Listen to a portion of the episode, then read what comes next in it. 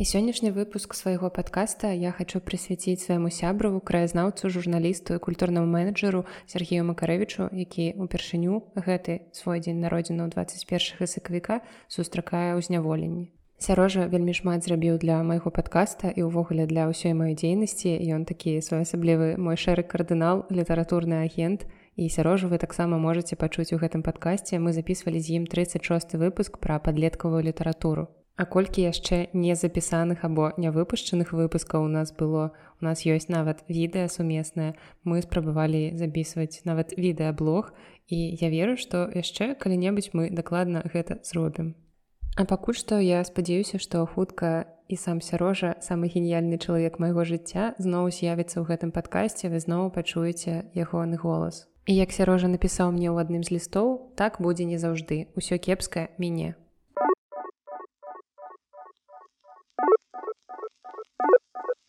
Вітаю, я Наста, а ты слухаеш Белліт, падкаст пра кнігі і каля кніжныя тэмы. Сезон Белліт он тур працягваецца, гэта ўжо другі выпуск з берагоў Дуная, Але ў адрозненне ад папярэдняга ён усё ж атрымаў іншую назву. мінулым разам я была не вельмі арыгінальная. Я зноў записываюся ў падарожным рэжыме. Я выкарыстоўваю замест мікрафоннай стойкі гранёны кубачак з ікеі і мае патроны на патрыоне ўжо бачылі здымак маёй такой прыгожай імправізаванай дамашняй студыі. І дарэчы, вы таксама можете стаць маім патронам. У апісанні да выпуску вы знойдзеце спасылку на мой патрыон, дзе можна стаць патронам ад мінімальнай сумы ў адзін даляр. У мяне пакуль няма там нейкай вялікай вялікай колькасці дадатковых матэрыялаў для патронаў Таму што мне ніколі не хацелася рабіць патрыон нейкім закрытым унікальным клубам але апошнім часам у сувязі з адсутнасцю у мяне нейкіх іншых публічных скажем так пляцовак накшталт майго нстаграма ці тэлеграм-канала то я дзялюся сваім нейкі бэкстейджам менавіта на патрыоне і да таго ж амаль заўсёды патроны маюць магчымасць паслухаць выпуск першымі. У найлепшыя часы бывалы такое што патроны слухали выпуск на пару дзён раней чым чым я выкладала яго ў агульны доступ. І зараз я таксама буду старацца вярнуцца ў той жа рэжым каб хоць неяк аддзячыць усім маім патронам на патрыоне Ну і таксама ў апісанні да выпуска вы знойдзеце іншыя спосабы падтрымкі майго падкаста, але пры гэтым памятайце, што заўсёды дастаткова проста вашага шчырага каментарыя, бо ўсе вашы цёплыя словы мяне неверагодна матывуюць кожны раз, калі я бачу нейкі новы камент. Я чытаю яго голас, я вельмі радуюся, што яго атрымліваю і гэта вельмі моцная падтрымка сапраўды. Тым часам мяне працягвае ўсё больш з кожным днём захапляць будапешт і нават калі штодзённа ты ідзеш адным і тым жа маршрутам банальна да нейкай найбліжэйшай прадуктовай крамы усё роўна паспяваеш заўважыць мільён новых дробязяў нейкую прыхажэнную ляпніну на доме нейкі новы утульны балкончык. Ну і як бы сонца з тэмпературай ад плюс 15 не можа не радаваць пасля гэтых бясконцых беларускіх каля нуля і ніжэй. Вечарамі тут праўда таксама бывае халаднавата але днём я не магу просто перастаць перастаць усміхацца стоячы под сонцам. І ўсё ж таки часам вельмі мала чалавеку трэба для шчасця асабліва калі гэты чалавек прыехаў з беларусі. І ўвогуле на календары у нас ужо амаль канец сакавіка а я толькі-толькі заканчваю подводзіць кніжныя вынікі мінулага года. У папярэднім выпуску я вам скончыла расказваць пра найлепшыя мастацкія творы якія чытала ў мінулым годзе. І цяпер вас чакаюць два ўжо апошнія выпускі пра мой найлепшы нон-фікшн мінулага года. У сённяшнім выпуску будуць толькі чатыры добрыя кнігі кнігі ніякіх расчараванняў ніякіх дрэнных кніг як было ў мінулы раз просто суцэльны мёд без дзёгцю. Таму что я паглядзела што ўсе кнігі настолькі цудоўныя што мне не хацелася б іх разбіваць разбаўляць нейкімі дрэннымі творамі. Магчыма дрэнныя творы будуць пазней тому что я уже прачытала парачку таких кніг про якія хацелася б вам запісаць. Цэлыя асобныя выпускі з разбором усё як вы любіце пабамбіць над кніжкай. Але сёння выключна пазітыў у ну як пазітыў. Ну пазітыў так. Пазітыў у тым што гэта добрыя кнігі. Але кнігі канешне будуць не ўсе пазітыўныя і светлыя. Часам гэта будуць даволі складаныя кнігі. Але з надзеяй. Надзея гэта ўсё ж такі галоўнае слово сённяшняга выпуска Але пачнём мы выпуск з адказаў на вашы пытанні і з вашых каментарыяў на розных пляцоўках, якія мне проста вельмі прыемна агучваць. Як той казаў пацешыць маё уласнае самалюбства. Напрыклад, да 77 выпуска я атрымала на кастбоксе такі каментарый ад спадара валацугі. чалавек які праслухаў усе выпускі твайго подкаста а таксама кніжнай шафы гэта я дзякуй табе вялікі за твой выдатны падкаст я лічу яго адным з лепшых беларускамоўных ды і ўвогуле Гэта канешне бязмежна прыемныя словы дзякуй таксама перадаю падзяку і ад другой насты з кніжнай шафы за тое што вы праслухалі яшчэ ўсе выпускі нашага другога падкаста. Мы бязмежна вам удзячныя за добрыя словы. Таксама на кастбоксе слухачка з нікам ал м пакінула каментарыі пад адным з маіх старых выпускаў гэта нумар 49 дзе я з вами дзялілася сваёй подборкай кніг замежных аўтараў дзе сустракаецца Беларусь. Гэта моя калекцыя і там слухачка прапанавала для гэтай подборкі кнігу ліхохана под назвай Беларусь кніга напісаная по-англійску і гэты твор мне ўжо трапляўся калісьці на вочы але штосьці апісання і яго вокладка мяне не вельмі прывабілі чытаць Ну і слухачка наступным каментарыем так таксама мяне ўпэўніла, што не варта на гэты твор звяртаць увагу.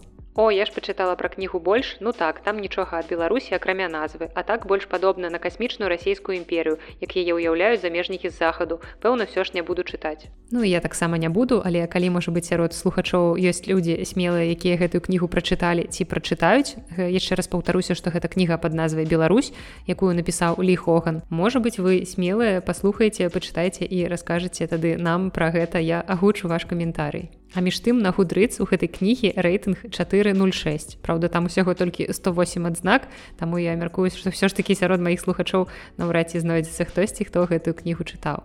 І все ж такі больш прыемна сустракаць у замежных пісьменнікаў нейкія больш асэнсаваныя згадкі няхай і пра напрыклад там беларускіх прастытутак як вельмі часта бывае І дарэчы, мне здаецца, што варта ўжо запісаць новы выпуск, бо з таго часу да падборкі беларусю літаратуры ў мяне дадалося яшчэ некалькі цікавых кніг. Ну і заканчваем з каментарыямі на кастбоксе паведамленнем ад маёй сталай слухачкі каментатаркі, якую завуць Паліна. Я згадвала, што той выпуск записывала раніцай, таму голас у выпуску гучаў трошкі не так, як я прывыкла, як вы прывыклі яго чуць.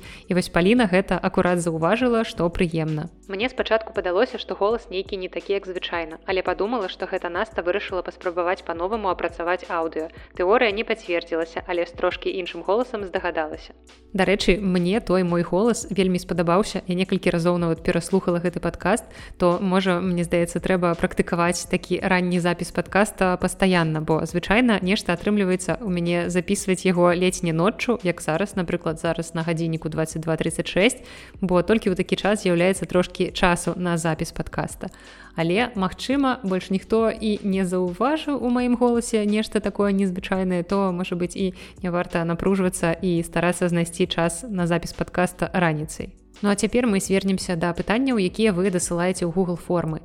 Я перадаю прывітанне чалавеку які падпісаўся як вова шабаноў. Ваше заданне выканана і сама наста з подкаста лягчэй перадае вам падзяку і прывітанне.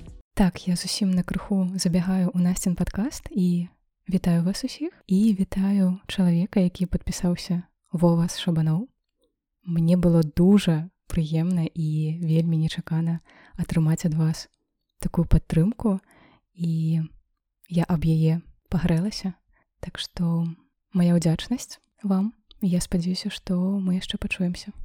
І яшчэ раз нагадаю, што калі вы стаміліся ад мітусні навокал, калі вы хочаце трошкі адпачыць і проста засяродзіцца на сабе, на сваіх думках, на нейкім сваім унутраным стане, то вы можете паслухаць падкаст насты, які называецца лягчэй. І ў гэтым падкасці акурат сабраныя медытацыі, якія чытае наста вось гэтым голасам, які вы толькі што пачулі. І гэта неверагодна прыемная асалода просто вы можете адпачываць слухаць гэта перад сном. Але канешне нашмат лепш калі вы будете якраз выконваць все тое пра што гаворыць наста. І тады я гарантую что ваше жыццё дакладна стане хаця б трошачку лепш. А калі вы хочаце слухаць адначасова і мяне і насту то вядома ж мы вас запрашаем у наш сумесны падкаст які называется кніжная шафа таксама ўсе спасылкі будуць у апісанні да выпуску Таксама ад чалавека, які не пакінуў ніякага імені, я атрымала наступнае пытанне. Што вы ведаеце пра літаратуру Ісланды і што параеце пачытаць?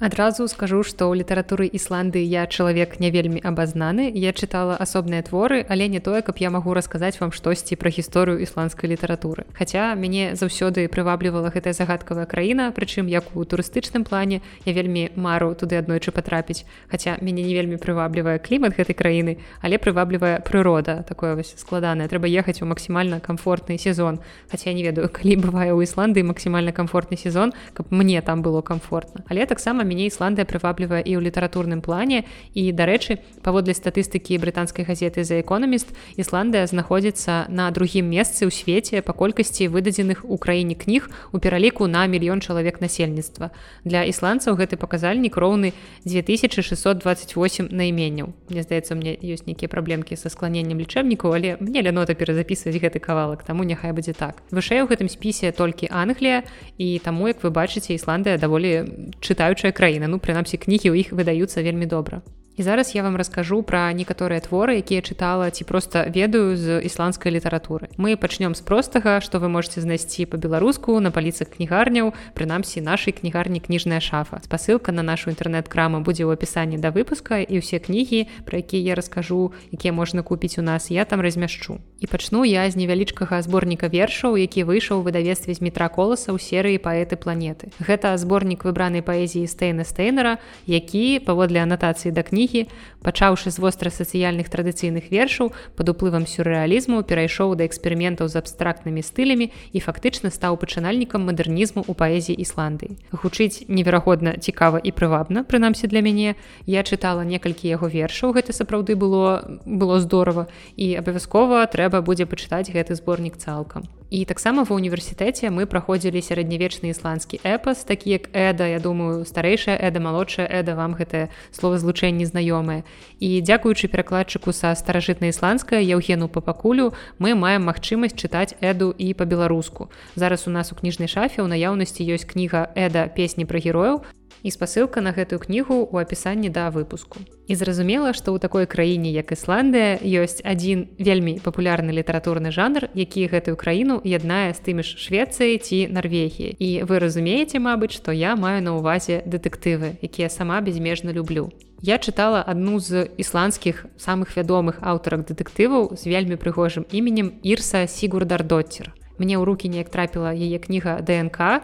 Раскажу крыху вам про гэтую кнігу але з таким лірычным адхіленнем. Бо чытаючы дэтэктыўныя трылеры паступова пачынаеш чуваць сябе трошачки наркаманам як бы страшна гэта не гучала. Таму что з кожнай кнігай ты патрабуеш усё больш і больш жесці і калі ўжо у анатацыі нейкай кнігі заяўлена што у забойцы які дзейнічае ў гэтым творы вельмі жудасны почерк то калі ласка парадуйте чытача і пакажыце гэтую жудасць а не паведамляйте пра яе неяк так мімаходзь нібыта гэта просто некая нейкія навіны а не дэтэктыўны твор. Як бы ну жорсткае забойство Окей там заматаў скотчам высмактаў вантробы пыласосам праз рот ну якая розніца усім дзякую все разыходзімся і аўтарка вось усё гэта апісаная мной не змагла расказаць неяк больш маляўніча ці яна не захацела ці яна пашкадавала чытачоў. Я не ведаю. І я разумею што ёсць класічныя дэтэктывы там дзе сапраўды мінімум крыві. Асновай для такіх дэтэктываў з'яўляецца якраз дэтэктыўнае расследаванне усе гэтыя загадкі таямніцы. І там не так важныя дзікія падрабязнасці забойстваў хто каго чым забіў колькі разоў якім спосабам і гэтак далей. Але ж гэта не такая кніга гэта не кніга пра расследаванне. Можа быть быць у мяне ўжо нейкая адбылася дэфармацыя якая мне просто не дазваляе ацаніць маштаб жэсці. Мачыма сапраўды кніга была жорсткая агідная але я чытаючы яе нават не моршчылася. А сюжэт у гэтай кнігі наступны маці забітая і ўсё гэта бачыла яе сямігадовая дачка якая схавалася под ложкам. І цяпер трэба з гэтай малой дзяўчынкі асцярожна выцягнуць інфармацыю пры гэтым разумеючы асаблівасці дзіцячай псіхалогіі бо дзіцёнак можа просто ад вас закрыцца і абсалютна нічога не сказаць калі неяк пачаць дзейнічаць няправільна. Таксама сюды ж дадаецца наступнае забойства і зараз трэба не толькі расследаваць абодва забойствы але таксама зразумець сувязь паміж імі і расшыфраваць усе загадкі якія пакідае забойца. Ну і тут уже акурат пачынаецца пачынаецца тое самае складанае расследаванне. І чаму мяне гэта кніга не задаволіла? Таму што фіналу гэтай кнігі мне падаўся даволі смешным і прыцягнутым завушы як бы мы разумеем матыў забойцы там ну цалкам зразумела ўсё тлумачыцца але карцінка не складваецца таму што калі ты бачыш гэты матыў то ты не разумееш як ён мог штурхнуць чалавека на такія вытанчаныя забойствы. Матыву там у прынцыпе даволі сур'ёзна. Не буду спойлерыць усё раскрываць але все роўна гэта не звязваецца з тым што гэты чалавек нарабіў. І нават экзатычная атмасфера ісландыі кнігу не ратуе бо яна тут практычна не апісаная. Так што гэта не твор для таго каб пагрузіцца ў нейкую змрочную холодную ісландскую атмасферу. Гэта просто тыповы прахадны дэтэктыўчык падзеі у якім маглі адбывацца у любой краіне Мачыма нават і ў беларусі Ну і таксама сярод мінусаў кнігі тое, што ў ёй мноства дробных дэталяў, на якія мы звяртаем увагу, чакаючы, што гэта будзе нейкая зачэпка, але гэтыя дэталі аказваюцца лішнімі і без іх кніга нічога б не згубіла. Аўтарка нам апісвае нейкія нецікавыя, часам проста нудныя факты, якія сюжэт ну ніяк не рухаюць. Яны толькі наадварот неяк адцягваюць увагу ад яго. Гэта кніга першая ў серыі, так што ў ёй толькі пачынаюць завязвацца адносіны паміж некаторымі персанажамі, але я зусім не ўпэўненая, што хачу чытаць далей, бо кнігу я прачытала вельмі даўно і неяк не ўзнікала ў мяне жадання чытаць і даведвацца што ж там адбылося з героямі далей. Але ж вы цяпер ведаеце што ёсць такая аўтарка ў ісландскай літаратуры і дарэчы у яе даволі шмат іншых твораў і па-за гэтым цыклам таксама нейкія асобныя творы іншыя цыклы так што ну можна будзе неяк даць ёй другі шанец. Але пакуль што я не ўпэўненая што хачу гэта рабіць. І таксама ў маім спісе прачытанага ёсць яшчэ одна ісландская аўтарка з яшчэ больш прыгожым і складаным іменем яе завуць сігрыдур хагалін бёрн Францдоцер я сказала гэта без падказкі. На рускую мову перакладзены дзве яе кнігі. Гэта остров які я акурат чытала і вулкан на любовь і прочее бедствия якую я хочу прачытаць. Але раскажу вам акурат про прачытаны остров. Твор мяне зацікавіў таму что гэта антыутопія. Я люблю антыутопія асабліва сучасныя і падзеі гэтага твора адбываюцца ў ісландыі зноў жа. Але тут у адрозненне ад папярэдняй кнігі хаця б ёсць атмасфера ісландыі. Гэта акурат все тое чаго я чакала ад твора і паводле сюжэту Ісландыя аказваецца адрэзанай ад астатняга свету. Краіна фактычна аказалася ў ізаляцыі, у яе няма кантакту са светам, на востраў не могуць даставіць прадукты, дапамогу, што заўгодна. І аўтарка паказвае наступствы гэтай сітуацыі для людзей, якія жывуць на востраве і для яго палітычнай сістэмы. Задумаў гэтага твора проста шыкоўная і нават не абавязкова цікавіцца Ісландыі, гэта проста вельмі цікавы канцэпт. І таму я купілася на анатацыю, Але, на жаль, усім гэтым шыкоўным патэнцыялам аўтарка не скарысталася. Бо сюжэт вельмі разрознены, ён трошкі развальваецца, ён пастаянна перарываецца нейкімі газетнымі артыкуламі. Яны паведамляюць пра стан Ісландыі падчас сітуацыі, там ёсць нейкія навіны. І тэма такога рэзкага абрыву кантактаў са светам дастаткова не тлумачыцца яна не паглыбленая там усё вельмі вельмі павярхоўна нібыта ну гэта просто здарылася і ўсё але ж павінны быць нейкія перадумовы на падставе якіх все гэта адбылося не просто так з бухты барахты ўсё адбылося і таксама вельмі цяжка прывязвацца да персонажаў бо яны просто ёсць і ўсё просто існуюць Таму кнігу вядома ж вы можете прачытаць калі любіце антыутопіі ці цікавіцеся ўвогуле ісландскай літаратурай. Але я б не сказала что гэта штосьці значнае і важнае на што можна патраціць час. Мне падаецца што можна прачытаць нашмат больш больш нейкіх цікавых антыутопій. Таму падсумоўваючы скажу, што так сабе я эксперт па ісландскай літаратуры, як бачыце, але трошкі штосьці чытала і цяпер мы ўжо ўласна пяройдзем да выпуску і ў сённяшнім выпуску вас чакае трошкі псіхалогіі, палітыкі і надзеі, а таксама непрыдуманыя касмічныя гісторыі. Але пачну з двух кніг, пра якія вы ўжо чулі больш падрабязна ў 71 выпуску подкаста. Гэта кніга Джона Карэйру дурная кровь і кніга Алексея Кавалёва і Паўла Валатовича агромная тень даждзівого чарвя почти правдзівая історыя групы нейрадзюбель. Гэтыя кнігі абедзве трапілі ў топ найлепшага нонфікшана мінулага года, але я вам пра іх ужо расказвала, таму завастраць увагу не буду. Просто нагадаю, што гэта таксама цудоўныя кнігі, якія я прачытала летась. Дурная кровь гэта выдатнае расследаванне дзейнасці аднаго стартапа, які пры пры бліжэйшым разглядзе лопнуў як мыльная бурбалка.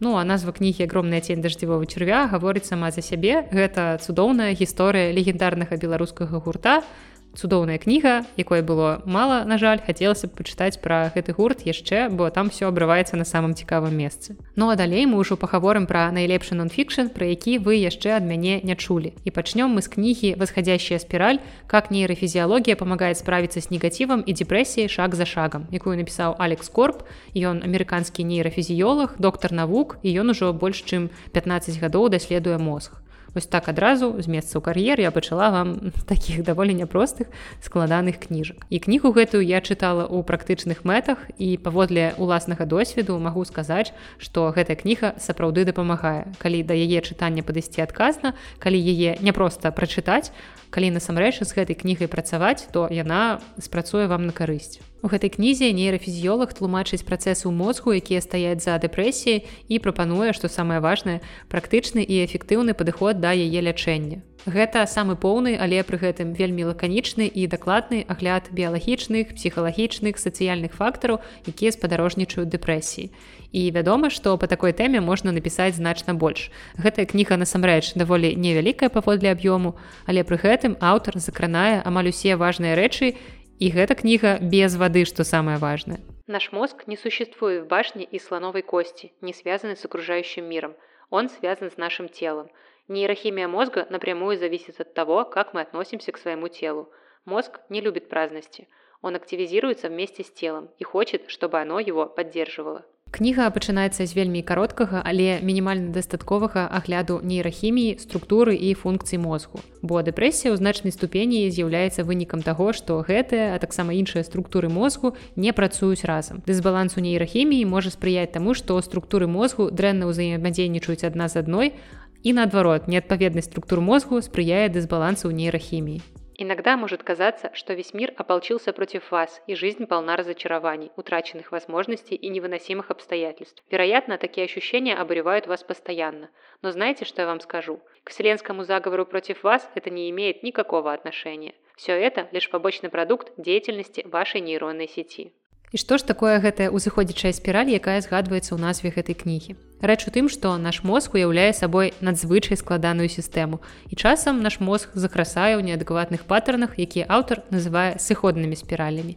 Па сутнасці нам трэба запусціць наш мозг і нервовую сістэму ў адваротны бок па ўзыходзячай спіралі. І гэты працэс пераходу ад сыходнай да ўзыходзячай спіралі дасягаецца за кошт шматлікіх мадыфікацый нашых паводзінаў. Напрыклад, спакойны сон, дастатковая колькасць практыкаванняў, здаровая дыета, як бачыце, тут пакуль што ўсё вельмі банальна. Таксама адэкватная сацыяльная падтрымка, практыка ўважлівасці, удакладненне нашых каштоўнасцяў, асэнсаваная пастаноўка мэты іх дасягнення, змена звычак неадаптыўнага мыслення, атрыманне адэкватнай медыцынскай дапамогі і атрымання прафесійнай псіхатэрапіі. Апошнія два пункты вельмі важны важнае тому что калі папярэднія рэчы пра якія нам расказваюць увесь час пастаянна про то что трэба добра спаць трэба добра есці трэба займацца спортом і гэтак далей. Але псіхатэрапія мне здаецца ў наш час дагэтуль недаацэненая дагэтуль успрымаецца як штосьці што патрэбна толькі псіхам. Як бы ну такі стэеатып што я што вар'ятка пысці да псіхатэрапеўт насамрэч не.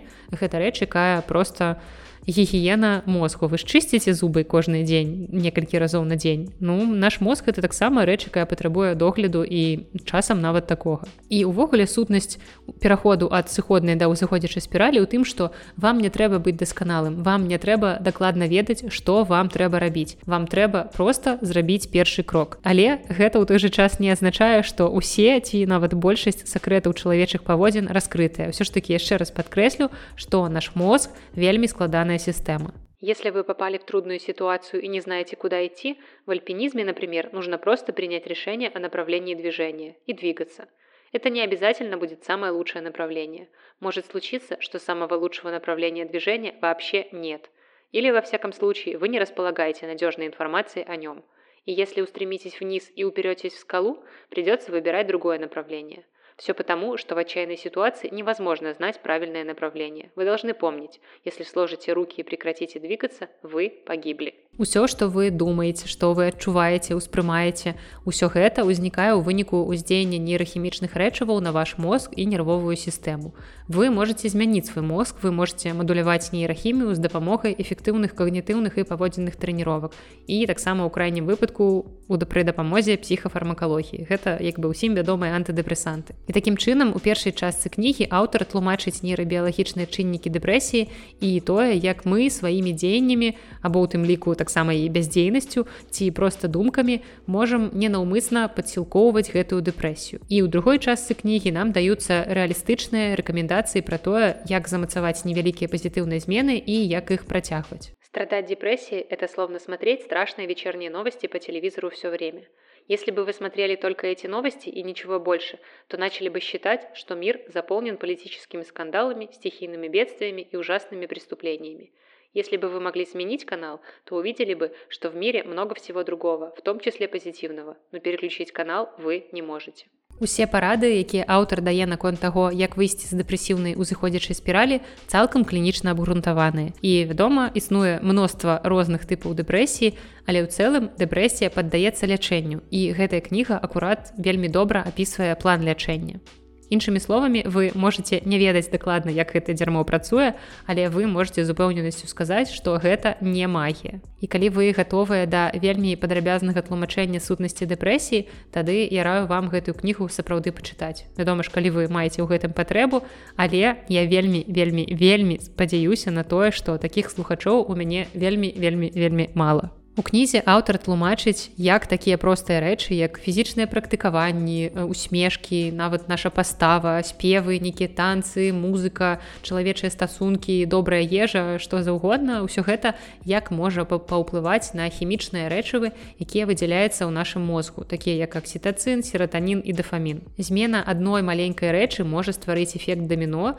якраз утварыць гэтую узыходзячую спіраль добрых эмоцый. Хаця ў той жа час тое ж самае можна сказаць і пра адваротная і спіраль адразу стане сыходнай. І найлепшая выснова з гэтай кнігі заключаецца ў тым, што дэпрэсія праяўляецца гэтак жа фізічна, як і большасць захворванняў чалавечага цела. І таму дэпрэсію можна вылічыць. І што яшчэ лепш, вы можете выйсці са сваёй сыходнай спіралі некалькімі шляхамі кожны з якіх дастаткова прапрацаваны каб яго мог зразумець і што самае важнае мог выканаць не спецыяліст і для пачатку вам увогуле можа не спатрэбіцца доступ да лекаў ці да прафесійнай дапамогі. Але ўсё ж таки я раю не грэбаваць і гэтым таксама. Я раю гэтую кнігу чытаць не толькі канкрэтна тым хто сутыкнуўся ўласна з дэпрэсіі але ўвогуле гэта добрая кніга каб зразумець як працуе наш уласны мозг ці напрыклад калі вам спатрэбіцца дапамагчы некаму сябру ці блізкаму чалавеку які змагаецца з трывогай ці дэпрэсіі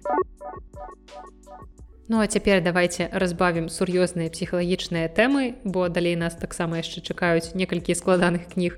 Мы разбавім гэта ўсё прыгодамі ў космосе або прыгодамі на зямле, але таксама звязанымі з космосам. І пагаворым пра кнігу касмічнай журналісткі Нэнсі Аткінсон, якая называецца непридуманыя касмічныя історыі. Кніга была апублікаваная ў 2016 годзе. Нэнсі Аткінсон ужо шмат гадоў піша пра космас для розных часопісаў, а таксама яна піша кнігі. Напрыклад, у яе ёсць кніга 8 гадоў да месяца якой я вельмі зацікавілася.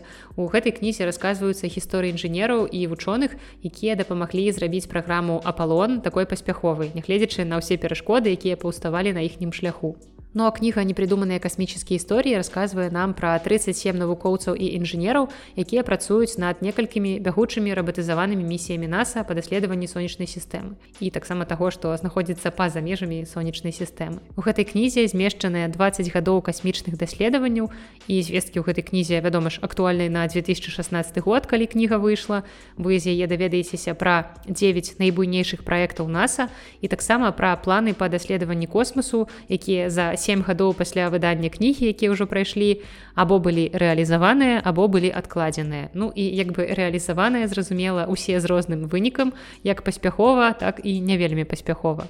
Таму цікава калі я чытала кнігу я адразу угугліла лёс гэтых праектаў якія аўтарка апісвала.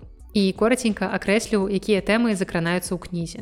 З гэтай кнігі вы даведаецеся больш пра першую місію да плутона таксама вы даследуеце марс і яго спадарожнікі разам з вельмі вядомым марсаходам кюріосіці таксама вы адкрыеце таямніцы космасу з дапамогай легендарнага касмічнага тэлескопа хабл і яго менш раскручанага калегі тэлескопа кеплер. Таксама злётаеце да сатурна юпітера і іх спадарожнікаў. Яшчэ даведаецеся больш пра апошнія адкрыцці ў нашай сонечнай сістэме і таксама пазнаёміцеся з будучыняй касмічных даследаванняў і даведаецеся пра будучыя касмічныя місіі. У гэтай кнізе прысутні дзейнічаюць даволі падрабязныя апісанні працы напрыклад працы касмічных інжынераў. І зразумела гэта ўсё з выкарыстаннем спецыяльнай тэрміналогіі. Але гэта зусім не ускладняе не замаруджвае чытанне паколькі напісаная кніга ўсё ж такі вельмі лёгка і вельмі захапляльна. Бо мэта аўтаркі ўсё ж папулярызацыя касмічных даследаванняў сярод простых назіральнікаў.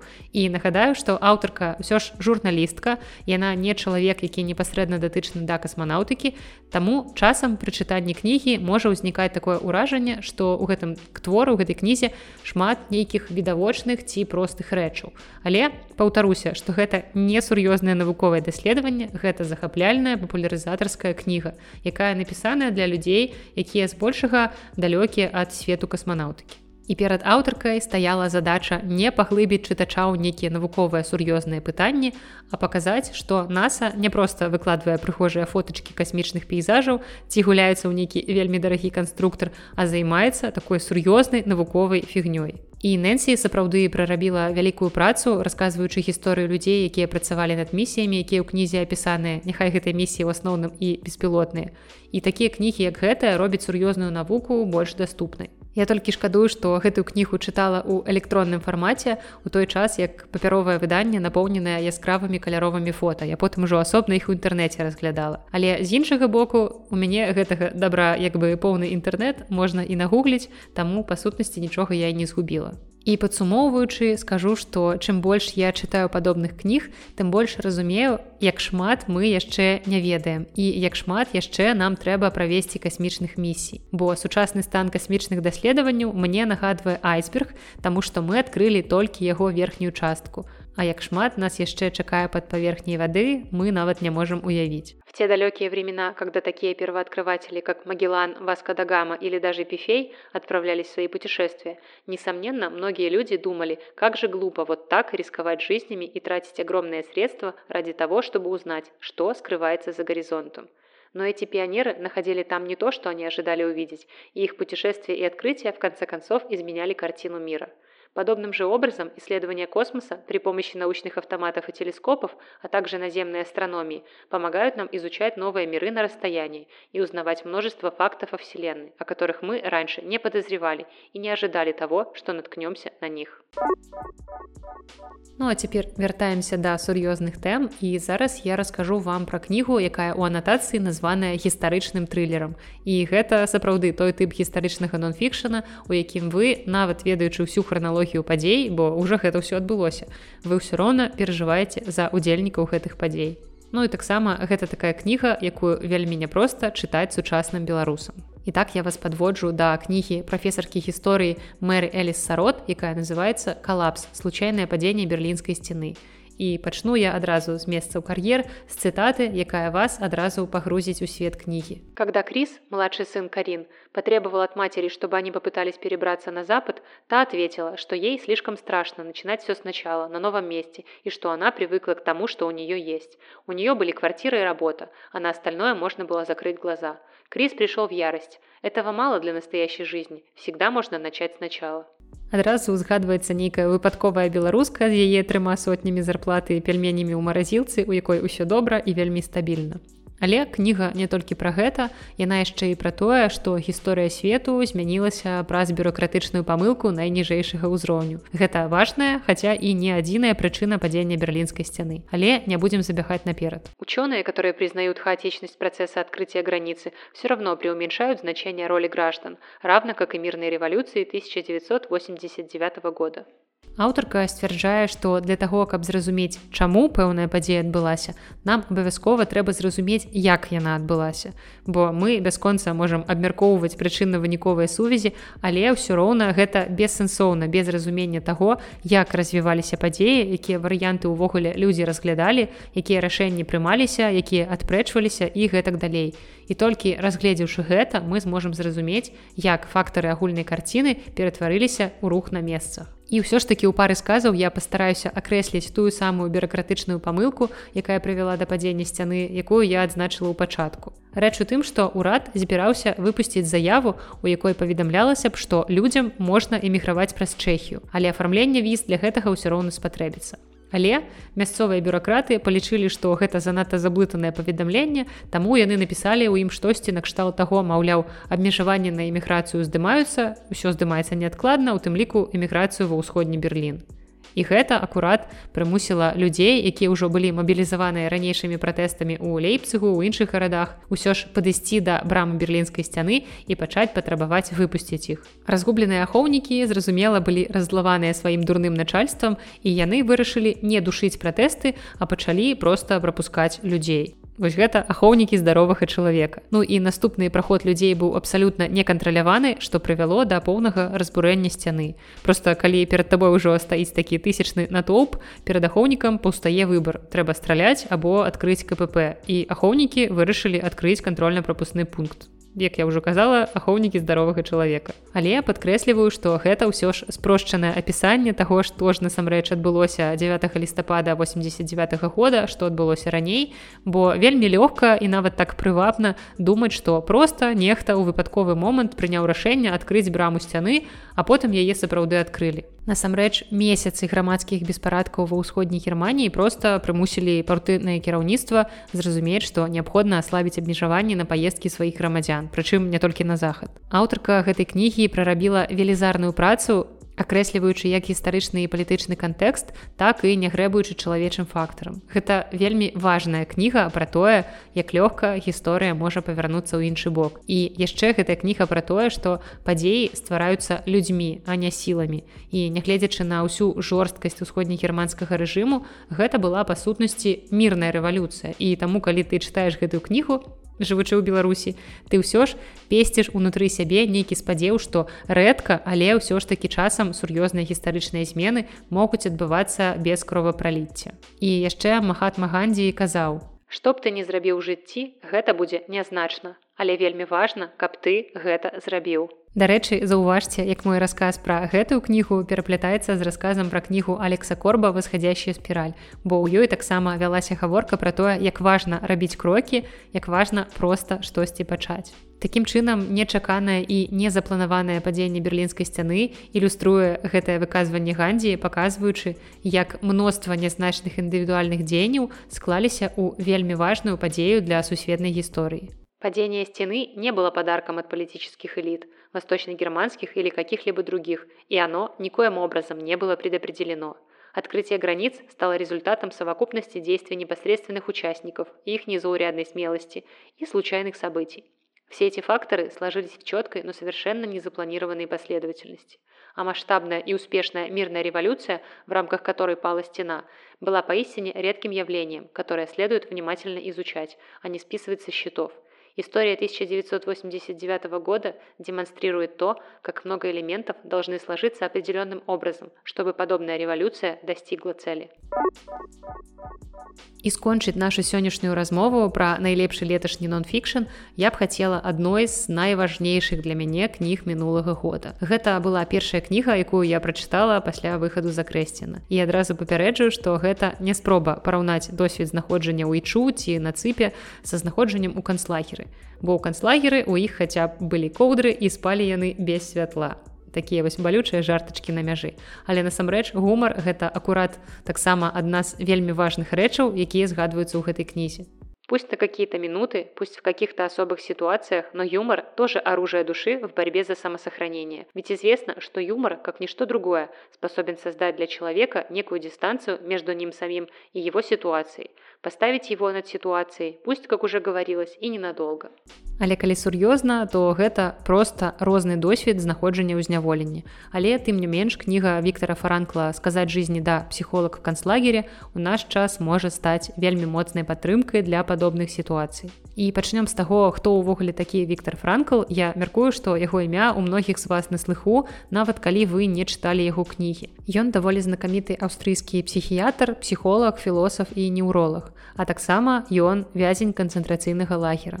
25 верасня 1942 года Франкл разам з сям'ёй са сваёй жонкай і бацькамі быў дэпартаваны ў канцэнтрацыйны лагер Тэрэзіенштадт, дзе правёў два гады. Ён сам падвяргаўся псіхалагічнаму і фізічнаму гвалту і быў яго назіральнікам. Сутыкнуўшыся з такімі цяжкімі выпрабаваннямі, у выніку ён змог знайсці адказ на пытанне, у чым сэнс жыцця і адкуль браць сілы, каб перажыць цяжкасці і нягоды. 19 кастрычніка 1944 года франкла перавялі ў канцэнтрацыйны лагер аўшвіц адкуль праз пару дзён накіравалі ў цюркхайм адзін з канцлагераў сістэмы дахау і там ён правёў 6 месяцаў якасці чарнарабочага жонку франкла перавялі ў канцэнтрацыйны лагер берген бельзен дзе яна і загінула. І таксама бацька франкла памёр у тэрэзіенштаце ад ацёку лёгкіх а маці была забітая ў аўшвіцы Сам Франкл быў вызвалены з канцлагера амерыканскімі войскамі 27 красавіка 1945 года. І такім чынам з усёй сям'і Франкла, акрамя яго, выжыла толькі сястра, якая эмігравала ў Аўстралію.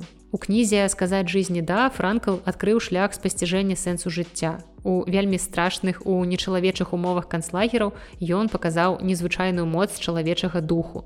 Дух наш у партыі ўсё ж такі насуперак нашаму слабому целу і разладу душы. І нататкі для гэтай кнігі Франкл пісаў станаграфічнымі знакамі на кавалках паперы у потай ад іншых.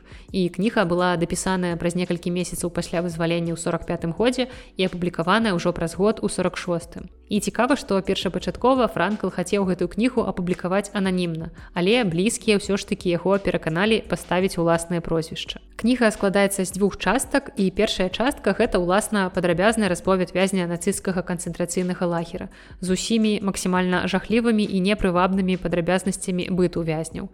Франкл, як псіхіятр назіраў за іншымі зняволенымі і выявіў, што тыя, хто мог у сваіх пакутах і перажываннях знайсці нейкі сэнс ці нейкую мэту, яны былі акурат тымі, хто, на яго думку, мог знайсці ў сабе сілы ісці далей. І калі я не памыляюся, то мэтай самога Франкла была надзея на тое, што ён зноў сустрэнецца са сваёй жонкай і што ён дапіша рукапіс кнігі. І для яго думка пра гэта была настолькі моцная, настолькі выратавальная, што падтрымлівала яго падчас усяго перыяду знаходжання ў розных канцлагерах. І гэта яму вельмі моцна дапамагала праходзіць праз штодзённыя жахі канцлагернага быту. Другая ж палова гэтай кнігі прысвечана распрацаванай франклам логатэрапіі. Гэта адзін з відаў экзістэнцыяльнай псіхатэрапіі, які заснаваны на пошуку сэнсу існавання. І асноўная сутнасць логатэрапіі заключаецца ў тым, што тыя, хто можа знайсці сэнс у сваіх пакутах, яны лепш спраўляюцца з тым, што ў адваротным выпадку было б вельмі цяжкай барацьбой. Мы уже говорили о том, что каждая попытка духовно восстановить, выпрямить человека